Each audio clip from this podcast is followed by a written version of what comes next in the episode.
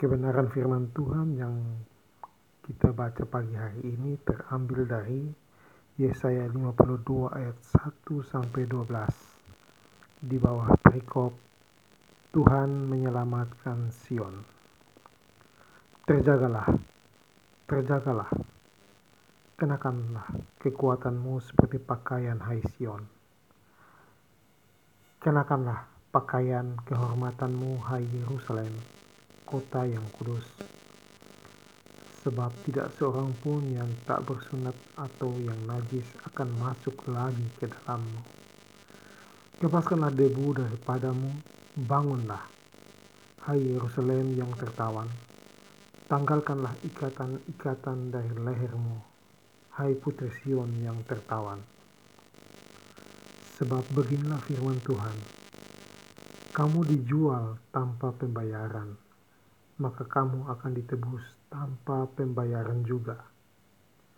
Sebab beginilah firman Tuhan Allah, dahulu umatku berangkat ke Mesir untuk tinggal di situ sebagai orang asing. Lalu Asyur memeras dia tanpa alas. Tetapi sekarang, apakah lagi urusanku di sini? Demikianlah firman Tuhan umatku sudah dirampas begitu saja. Mereka yang berkuasa atas dia memegahkan diri. Demikianlah firman Tuhan. Dan namaku terus dihujat sepanjang hari. Sebab itu umatku akan mengenal namaku. Dan pada waktu itu mereka akan mengerti bahwa akulah dia yang berbicara. Iya, aku.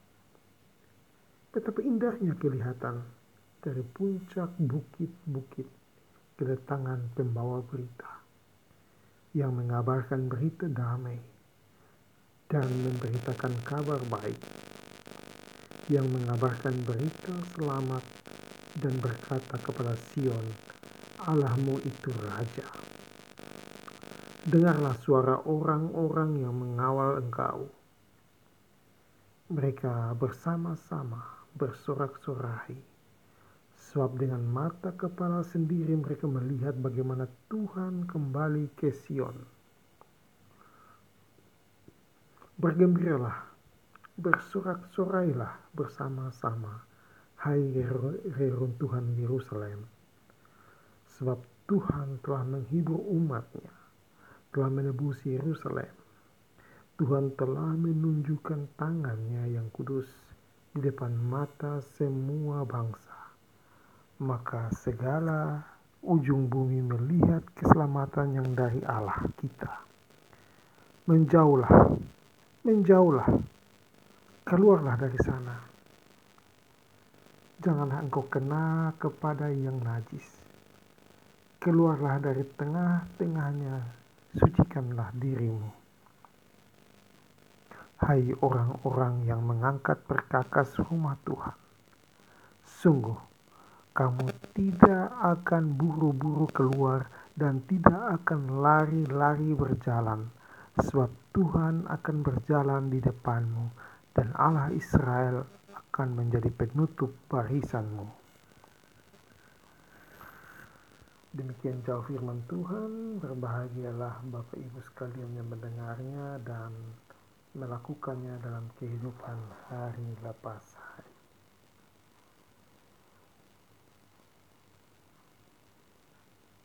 Renungan kita malam ini saya beri judul Jangan Menjamah Yang Najis. Walaupun kita telah ditebus oleh darah Kristus, sulit bagi kita menyucikan diri kita sendiri tak mau melangkah keluar meninggalkan dunia. Dengan keras Tuhan memerintahkan kita tak lagi main-main dengan dosa. Keluarlah kamu dari antara mereka dan pisahkanlah dirimu dari mereka firman Tuhan. Dan janganlah menjamah apa yang najis maka aku akan menerima kamu. 2 Korintus 6 ayat 17 sebagai umat yang telah diselamatkan, kita harus menjauhkan diri dari dari hal-hal yang najis dan mau memisahkan diri dari dunia ini. Banyak orang kurang paham akan istilah dunia dalam kekristenan. Apa sih dunia itu? Dunia yang dimaksud bukanlah bumi, tempat di mana kita berpijak, atau suatu negara.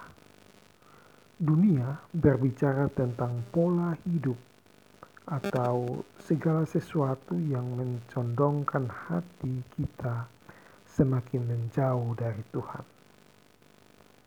Perkara yang membuat kita tidak lagi bergairah, berdoa atau membaca firman Tuhan, itulah dunia. Kesimpulannya ialah segala sesuatu yang membuat kasih kita kepada Tuhan menjadi dingin, itulah dunia.